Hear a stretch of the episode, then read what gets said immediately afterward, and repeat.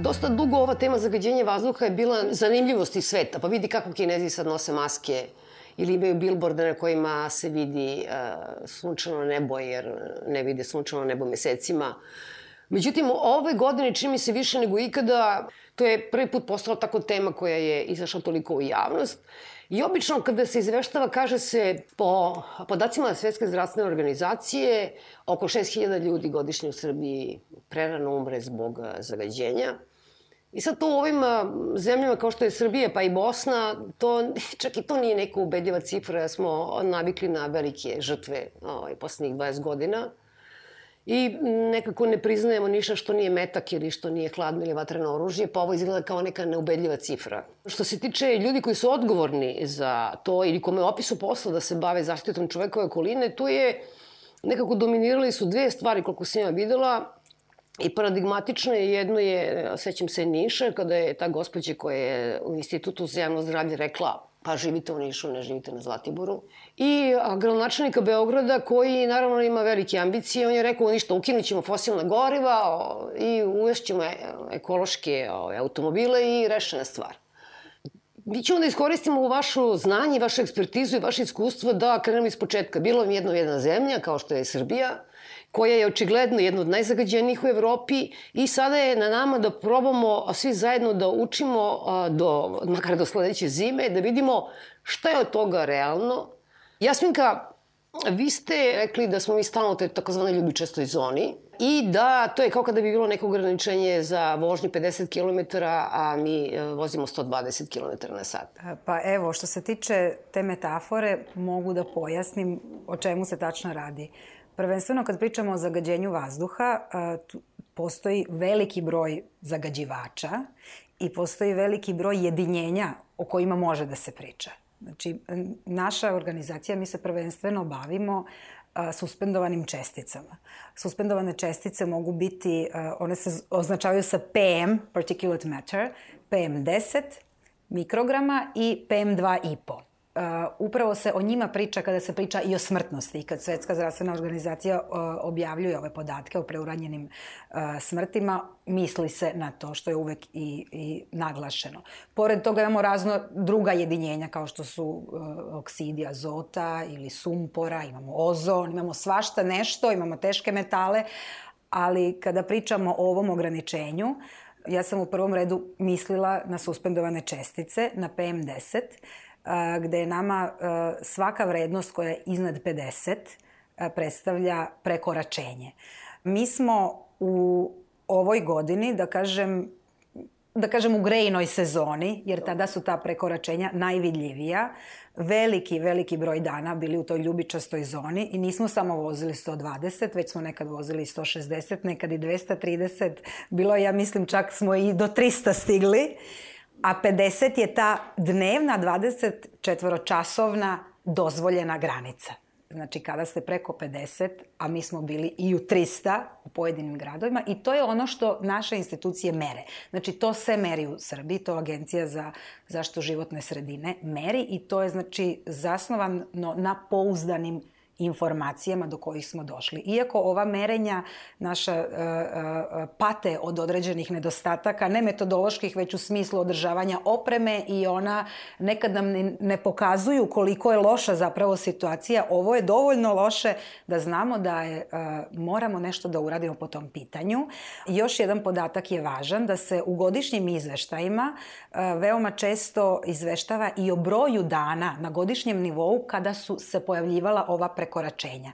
Te ti brojevi iznose od 140 do 170 dana po pojedinim gradovima, da sada ne specifikujem, znači to sve može da se nađe u zvaničnim dokumentima.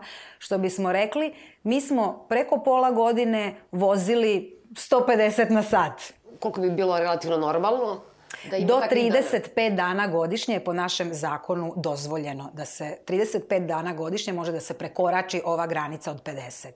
A mi po našim izveštajima imamo gradove da je to bilo i po 140 dana i 170, što se dosta gađa sa grejnom sezonom, što takođe ukazuje i na najveći problem, a i potencijalna rešenja. Kada smo ugledali neke e, tabele, pa onda vidite Beograd iznad otprilike Kalkute, iznad uh, bangladeških gradova iznad indijskih, iznad kineskih i onda se stalno govorilo, e, pa to, to nisu to pravi podaci, pa to su, o, metodologija je drugačija, ali mi smo dobili, to nije prvi put od Evropske unije, svoje vremeno pre jedno 7-8 godina neke merne ovaj, stanice, kako se to zove, i sad a, imala sam utisak po tome što sam čitala i što ste vi pisali da a, od njih nije baš nešto mnogo ostalo ili nešto nisu mnogo korisne, jer da li ljudi ne znaju da upotrebljavaju, da li, a, šta se već tu desilo?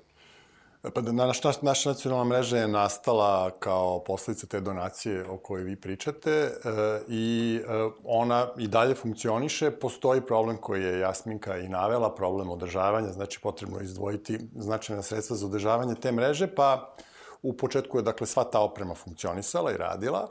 I prema poslednjem izveštaju za, iz 2018. za 2017. godinu, 22% analizatora je funkcionisalo na način predviđen zakonom, da tako kažem. Znači, više od tih 22% jeste radilo u pojedinim trenucima, ali nije emitovalo podatke na način na koji je to predviđeno zakonom. Znači, svega jedna petina opreme jeste dostavljala podatke na način koji je propisan. A šta je to problem? Pa, pretpostavljam da je u pitanju samo održavanje. Dakle, ne samo novac za održavanje, ja verujem da tu postoje sad problemi i sa raspoloživošću stručnog kadra i tako dalje, ali u suštini je problem resursa, bilo finansijskih, bilo ljudskih. Ono što vidimo iz raspoloživih podataka o budžet, budžetskim sredstvima koje se izdvajaju za tu namenu, da nema povećanja budžeta. Znači, prema zakonu o budžetu za 2019. godinu u tu svrhu je izdvojeno približno isto i nešto malo manje sredstava nego što je bilo izdvojeno u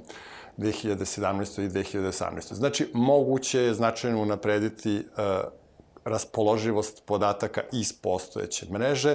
Resursi su u pitanju. Ti analizatori mere E, koncentraciju. Znači, oni mere šta u nekom trenutku ima u vazduhu po pojedinim zagađujućim materijama, kao što je Jasminka rekla. Tim merenjem nije moguće utvrditi izvor zagađenja.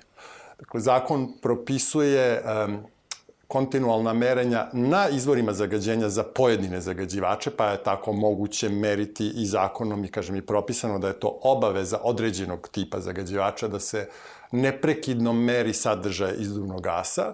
Moguće je utvrditi odakle dolazi zagađenje na više načina. Dakle, država pravi, Agencija zaštitu životne sredine proizvodi inventar kojim pokušava da pobroji odakle je došlo koje zagađenje, ali ta metodologija koja je le, legitimna, da kažem, metodologija je a, papirna metodologija, da tako kažem. Tu se barata sa podacima. Znači, jedna institucija, na primjer Zavod za statistiku, dostaje podatke o potrošnji određenog vrsta goriva, onda prema nekakvom unapred zadatom algoritmu agencija izračuna koliko je iz toga proizašlo zagađenja suspendovanih čestica, sumpor dioksida, azotnih oksida, dakle to je takođe jedna metodologija. Imamo kontinualno merenje ili bi trebali da imamo kontinualno merenje na strani velikih zagađivača, odakle bismo mogli tačno da saznamo koliko su oni čega Izvijete, emitovali. Kažete veliki zagađivači, termo, mislite termoelektrane? E, ja sad čak ne znam tačno da vam kažem, pošto je e, taj uslov je propisan u, u e, čini mi se zapremini izduvnog, svakako termoelektrane. Dakle, svakako termoelektrane i elektroprivreda Srbije je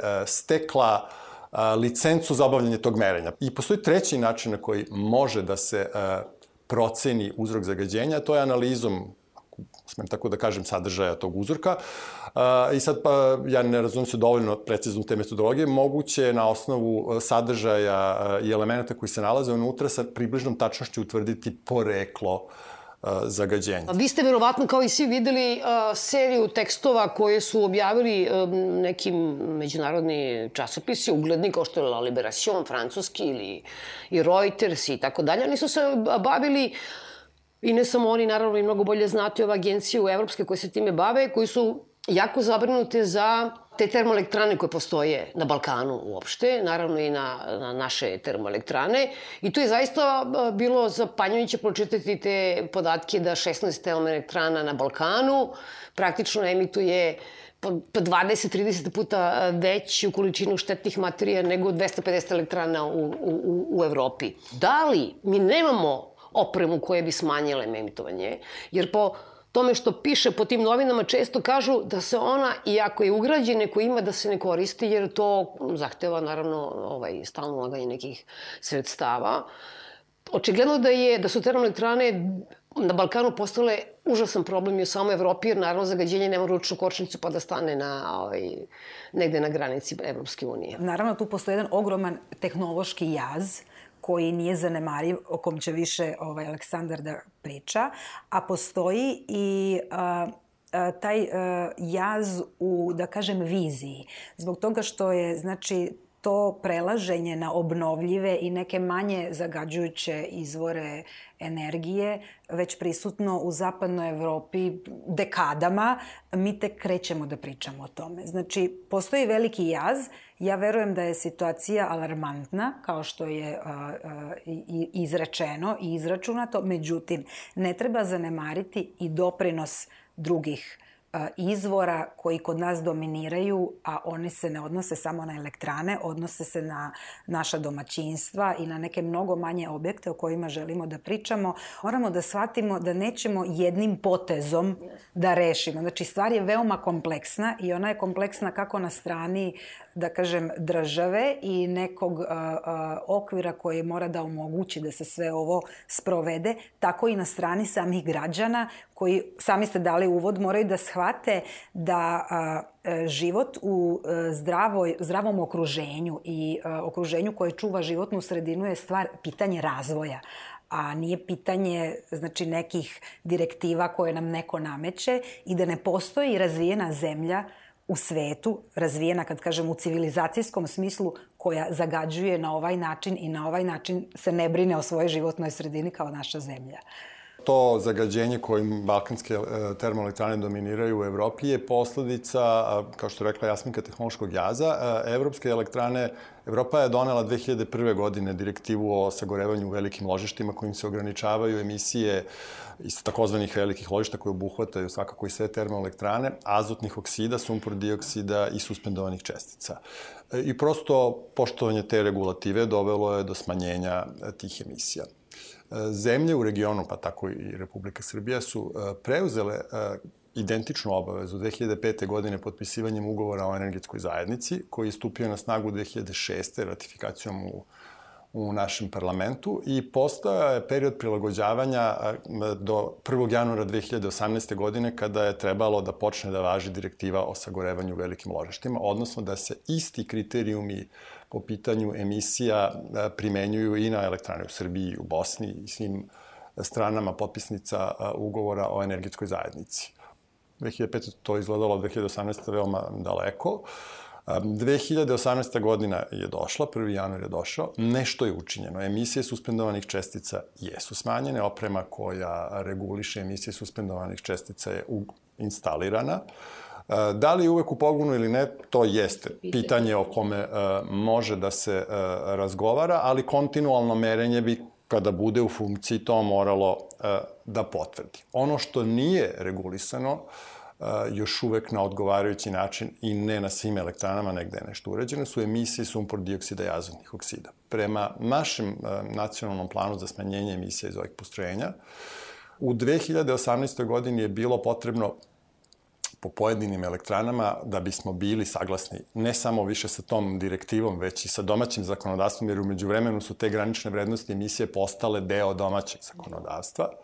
Potrebno je bilo smanjiti emisije sumpor dioksida, možda ću pogrešiti minimalno, ne znam, napamet, između 4 i 16 puta po pojedinoj elektrani. Na postojećim objektima, a to je ono za što se naša država opredelila, da pokuša da na postojećim objektima smanji emisiju sumpor dioksida u um, granice koje propisuje ova direktiva. Umeđu vremenu direktiva je evoluirala, pa imamo novu direktivu u Evropi, direktivu o industrijskim emisijama sa još oštrim granicama, koja će za nas takođe postati obavezna za nove objekte već sada, odmah, a za postojeće objekte postoji neki period vremena u kome se treba spustiti na tu granicu. Postoji tehnologija kojom je moguće pokušati smanjiti emisije sumpornih uh, oksida iz elektrana, na nekim elektranama već primenjena, na nekim, na većem delu nije. Ona košta užasno mnogo, to je jedna stvar. Druga stvar koja je dugoročno takođe važna, ona u nekoj, uh, ne tako maloj meri, ne ni pretredno velikoj, ali ipak smanjuje proizvodnju električne energije. Tako da vi investirate u objekte koji su stari 40 godina, iz ekonomskog ugla gledamo, da. investirate u 40 godina staru opremu da biste joj smanjili proizvodnju.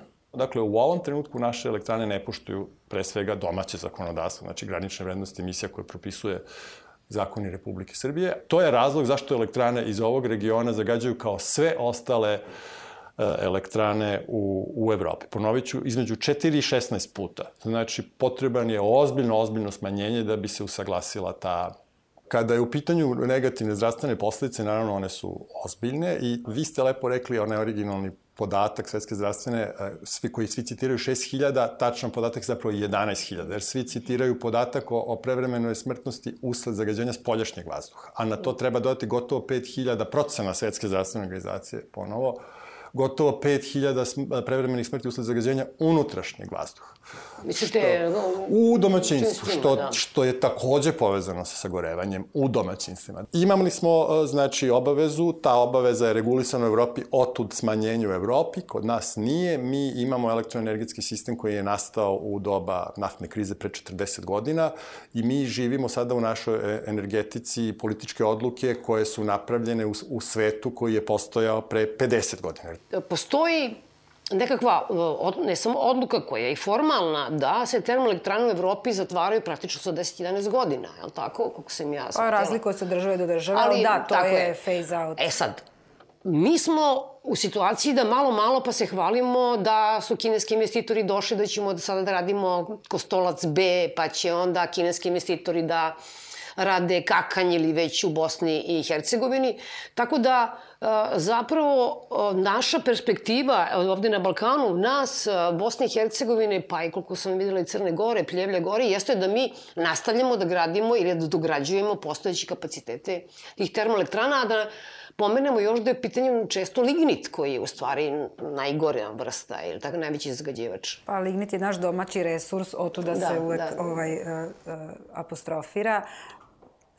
Veoma često se te investicije opravdavaju činjenicom da će te nove termoelektrane biti neki poslednji tehnološki krik koji će ovaj, na neki ne znam kakav način čaroban ovaj, da, da takođe obezbedi i zdravu životnu sredinu ja ne ulazeći sada, da kažem, u tehnološke detalje, zaista ne mogu da verujem da u momentu kada je ceo svet digao ruke i rekao je ne možemo da napravimo čistu termoelektranu i fosilna goriva, su fosilna goriva, bez obzira kakvi su standardi, ne mogu da verujem da će to baš na našim prostorima da se pojavi ta inovacija. A stvar je prosta, e, znači ona čak nije ni ekonomski i dugoročno e, isplativa i nije opravdana zbog toga što u tom momentu kada e, svi naši, da kažem, naše okruženje izvršava energetsku tranziciju, znači sa nekim konkretnim ciljevima i rokovima, koliko god e, daleko to nama sada izgledalo, doći će i ta 2030-a, došla je evo i 2020-a u odnosu na direktivu iz 2009. pa su neki već, znači, dosta uradili na tom putu, pa će do 2030. uraditi još više, pa će 2050. još više i ja samo ne znam šta ćemo mi tada da radimo ukoliko budemo čekali da nešto ovde padne ovaj, e, s Marsa i da se dogodi ta energetska tranzicija. Pre pogleda 27 mi imamo tu um, sudbinu uh, rešavanja pitanja ugovora o energetskoj zajednici, obaveza koje smo preuzeli uh, kroz taj ugovor. Sve nove elektrane, svi novi objekti moraju da budu usklađeni sa tom regulativom. Ja nemam nikakvu sumnju da, se, da će se bilo ko usuđivati da pravi novi objekat koji ne ispunjava uslove, pa i uslove životne sredine, ali ostaje pitanje emisija ugljen dioksida koje nije bilo predmet do sada ugovora o energetskoj zajednici.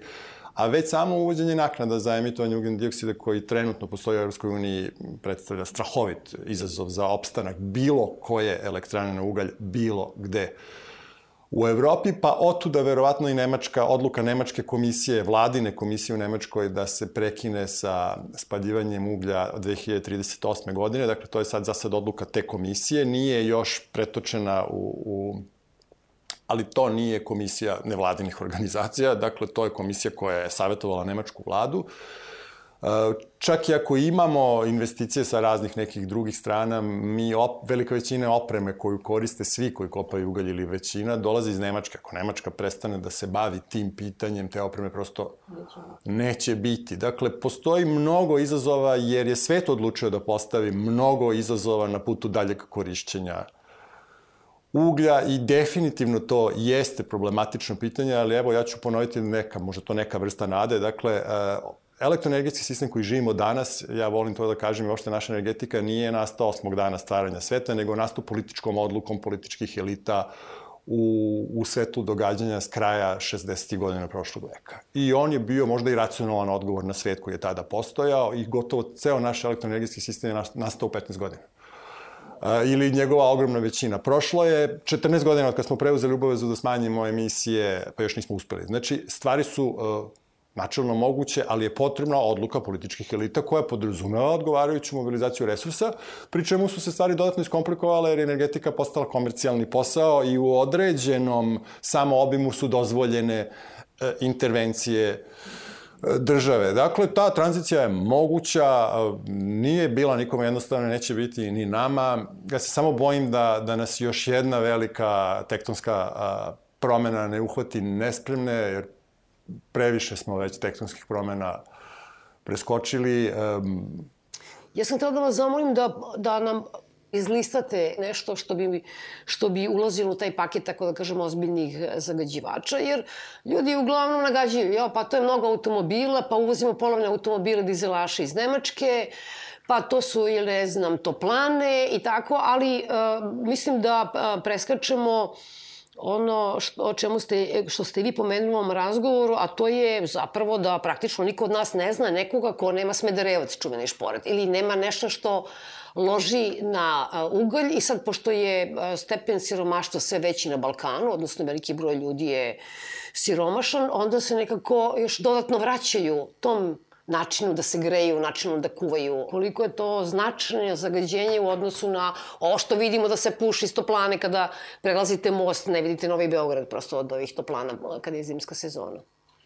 Pa, kažem, mi smo već prošli kroz jednu energetsku tranziciju 90-ih uh, u smeru koji, koji nas je doveo u situaciju koju sada pričamo. Dakle, navike u domaćinstvima i grejanja i kuvanja su se dramatično promenile od 90-ih usled okolnosti u kojima smo živeli, pa smo danas tu gde jesmo. Dakle, kad pogledate ove inventare o kojima sam pričao Agencije zaštitu životne sredine, dve trećine PM10 i tri četvrtine PM2 i po čestica dolazi iz individualnih ložišta i e, ložišta manjih od 50 MW, znači nekih malih toplanskih postrojenja i individualnih ložišta.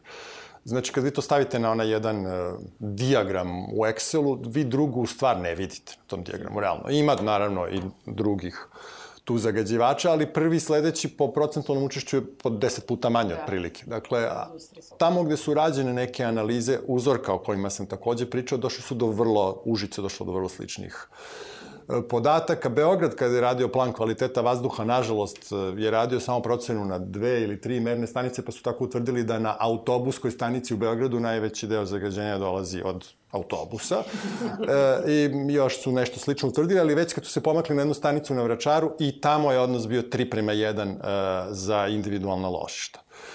I mi imamo uh, sagorevanje lošeg goriva u lošem uređaju i tako puta više miliona. I to do, do, dovodi do rezultata koji sada imamo. Često je to kontraintuitivno, svakom ko se ovim ne bavi ili dosta velikom broju ljudi, pa tako se obraća i vide kao veći problem. Um, bila je jedna ilustracija Američke agencije zaštitu životne sredine na kojoj je nacrtan jedan šporet i pet dizel autobusa i EPA Američka kaže jedan stari šporet emituje više suspendovanih čestica nego pet dizel školskih autobusa. Ajde ne bude da je double decker ili ne znam, da, da. nego pet dizel školskih autobusa autobusa, jer to zaista služi da, da ljude prosto približi shvatanje koliko je to problem. I to i u novom tehnološki zaostalom uređaju kakve je gotovo, gotovo svi na našem tržištu je problem. A zamislite još kad se loži plastika, gume, krpe, stara hartija sa ovakvim i onakvim sadržajem.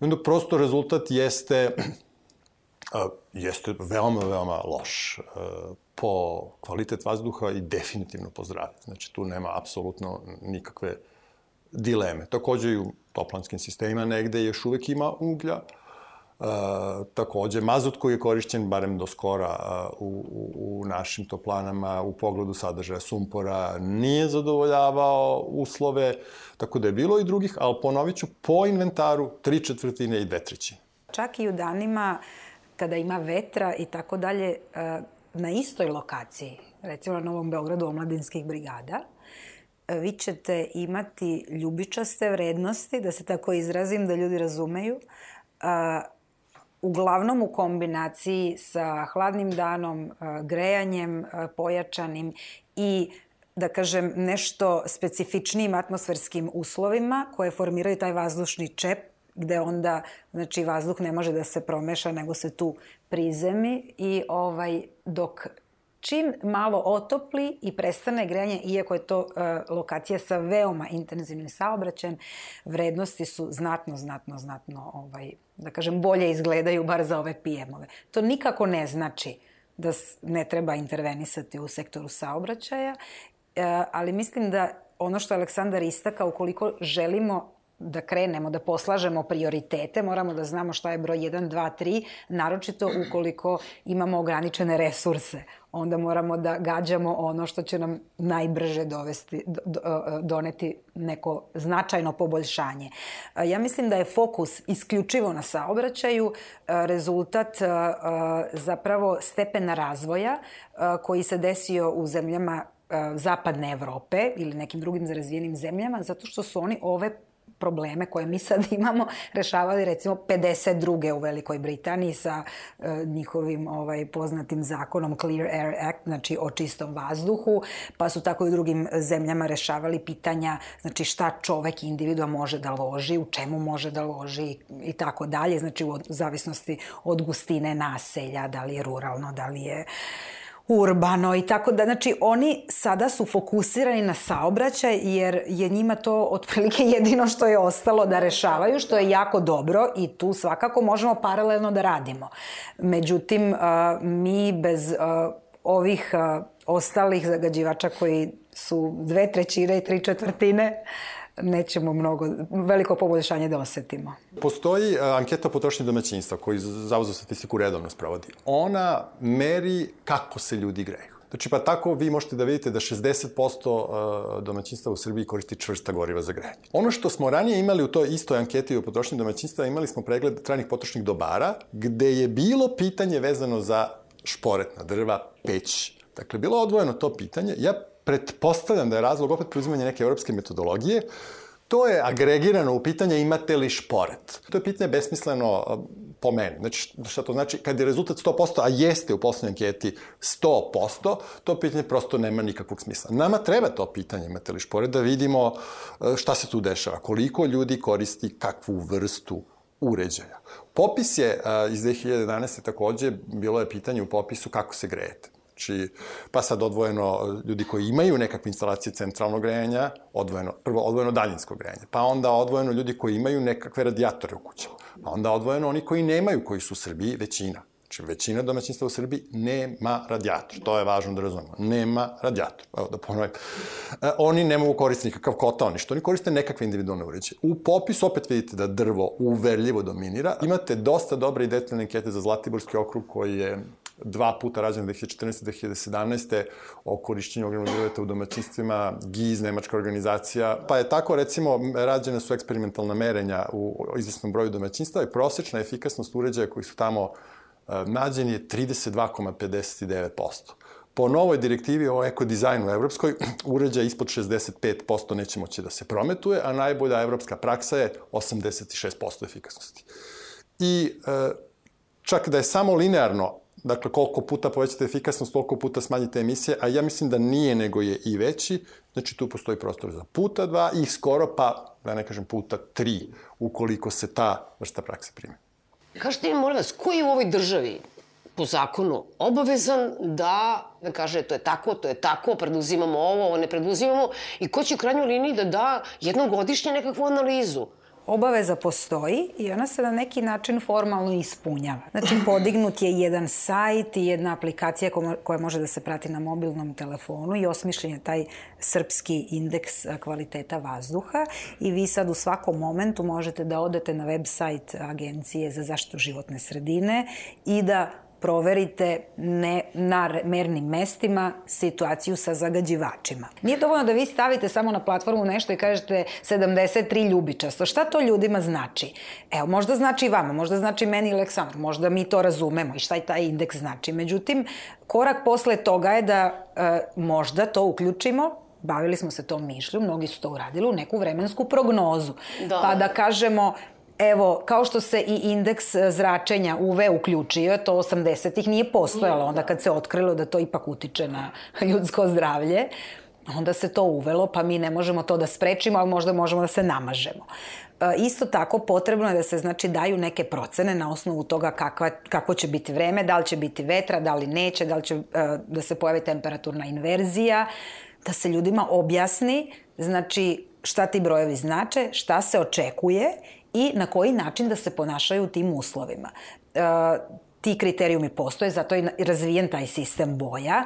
Znači, u kojoj situaciji, recimo, hronični bolesnici trebaju da smanje svoje aktivnosti na polju, a u kojoj situaciji čak i zdravi ljudi, potpuno zdravi, e, ne bi trebalo da, recimo, igraju futbal na polju ili trče E, takve situacije su, kao što sam rekla, recimo u grejnoj sezoni veoma česte u našim gradovima e, i niko baš na taj način ne priča o tome iako podaci postoje, veoma često od nadležnih institucija osjećamo jedan stav, da kažem, defanzivni, gde oni se brane, pa jeste, ali to je tako i ovde i onde, pa... Ali njihova uloga nije u tome. Njihova uloga je da zaista objasne. To znači to i to. Ukoliko sad, sutra, preko sutra ne možemo ništa da uradimo po, po, po tom pitanju, možda bi stvarno bilo dobro da ne vodite decu napolje ili da stavite neke maske ili ne znam, sad nabrajamo onako nemam sad konkretno rešenje, znači to je posao uh, nadležnih institucija i na lokalnom nivou i na nacionalnom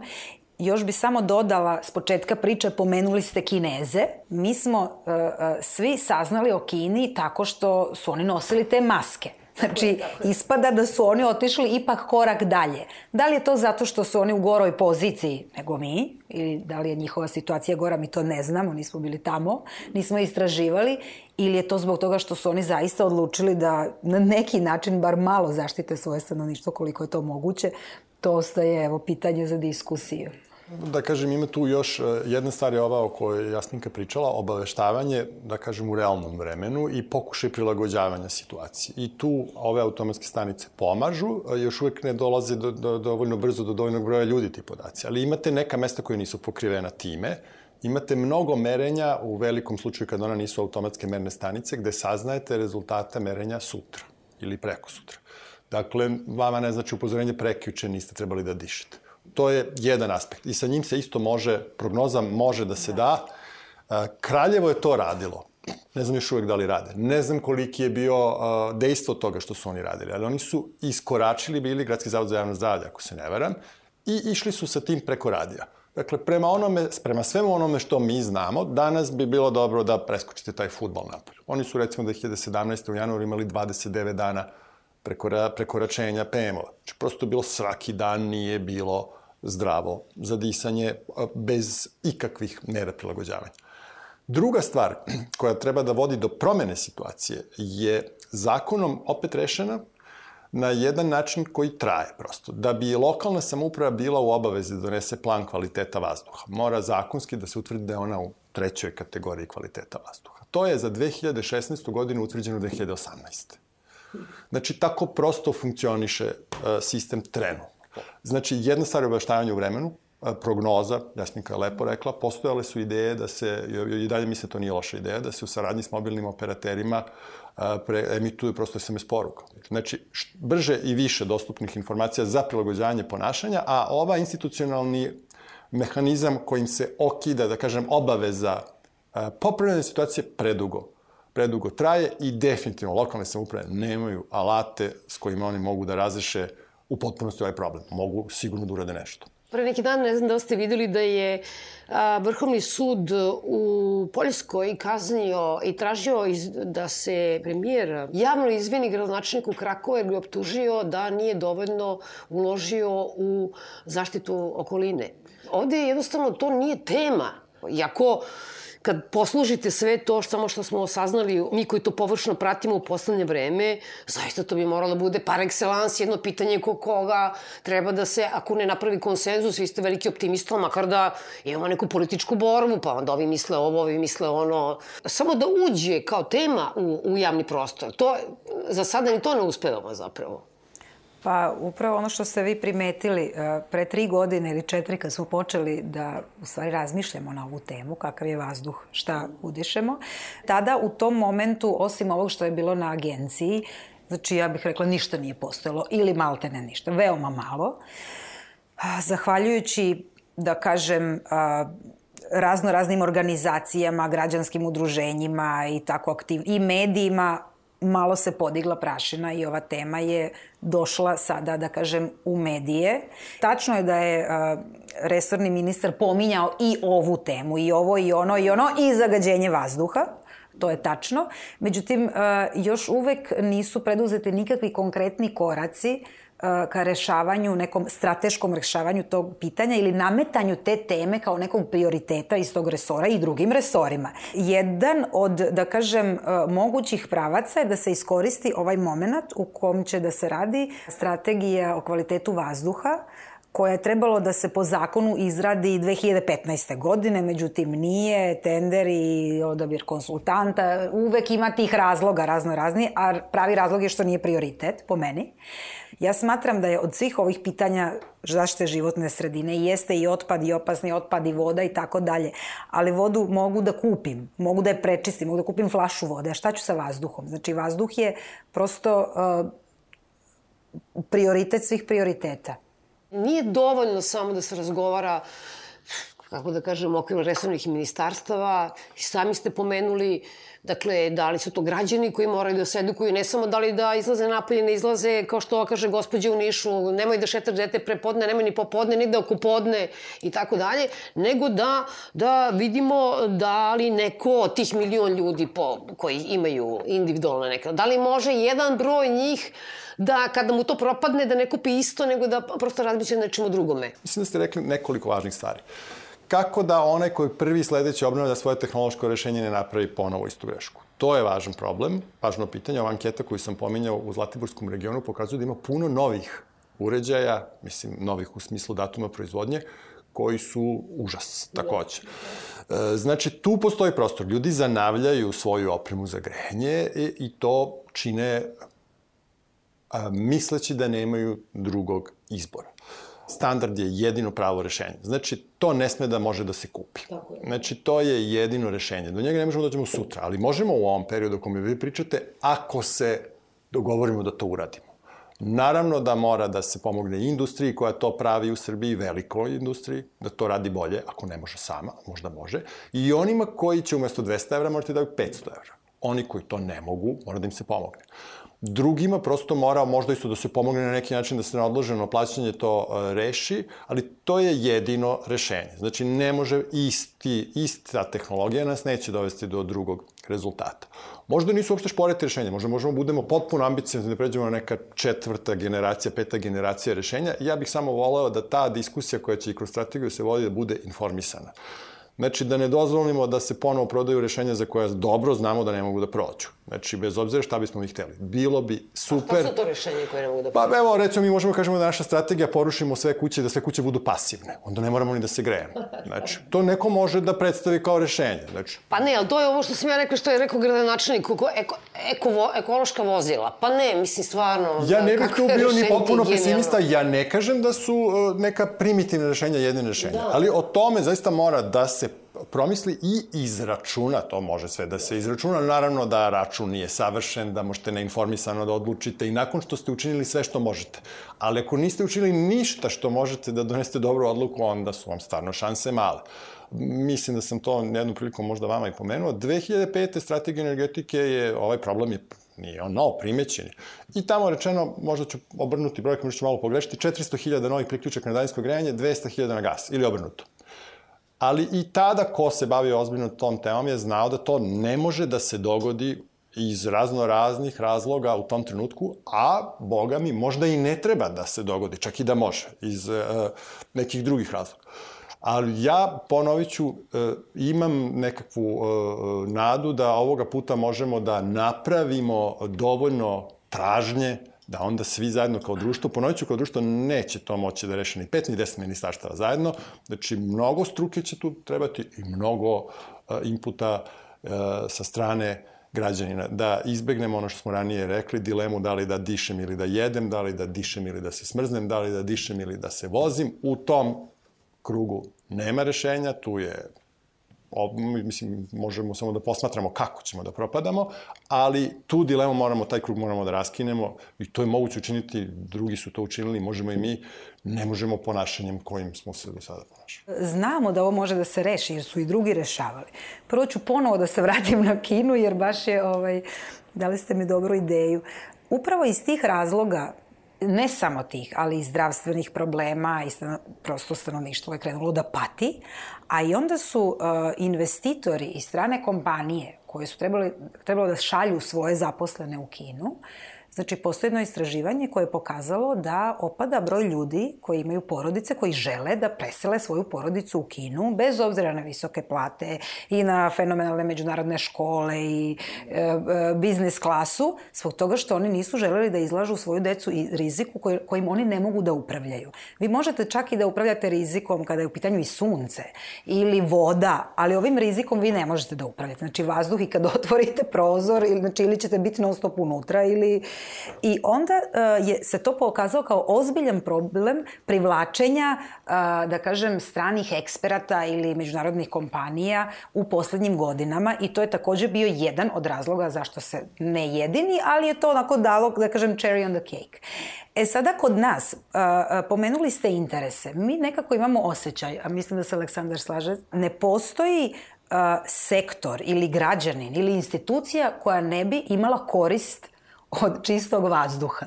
Znači, čak i ovi proizvođači, znači razno raznih uh, proizvoda, ukoliko se inoviraju i mogu da ponude bolji proizvod, znači oni mogu da zarade. Građani mogu bolje da se greju, mogu da smanje račun ovaj zdravstveni. Od toga će imati koristi i budžet, naša će hrana biti zdravija, naša će deca biti zdravija, naše potomstvo. Moj je utisak da uh, ovde nema različitih interesa, da smo mi zaista ovde svi na istoj strani i da samo trebamo da se dobro organizujemo, da osmislimo rešenja. E, ja mislim da je tu naš najveći problem. Šta je to što je nama izvodivo, šta nije, koje su to ovaj e, najbrže mere koje najbrže mogu da donesu do nekog poboljšanja, pa ćemo onda posle ona manja poboljšanja. Znači, to, je najveće pitanje i pitanje tih kapaciteta, ja bih rekla više ljudskih kapaciteta da to promisle i osmisle mnogo značajnije osim finansijskih.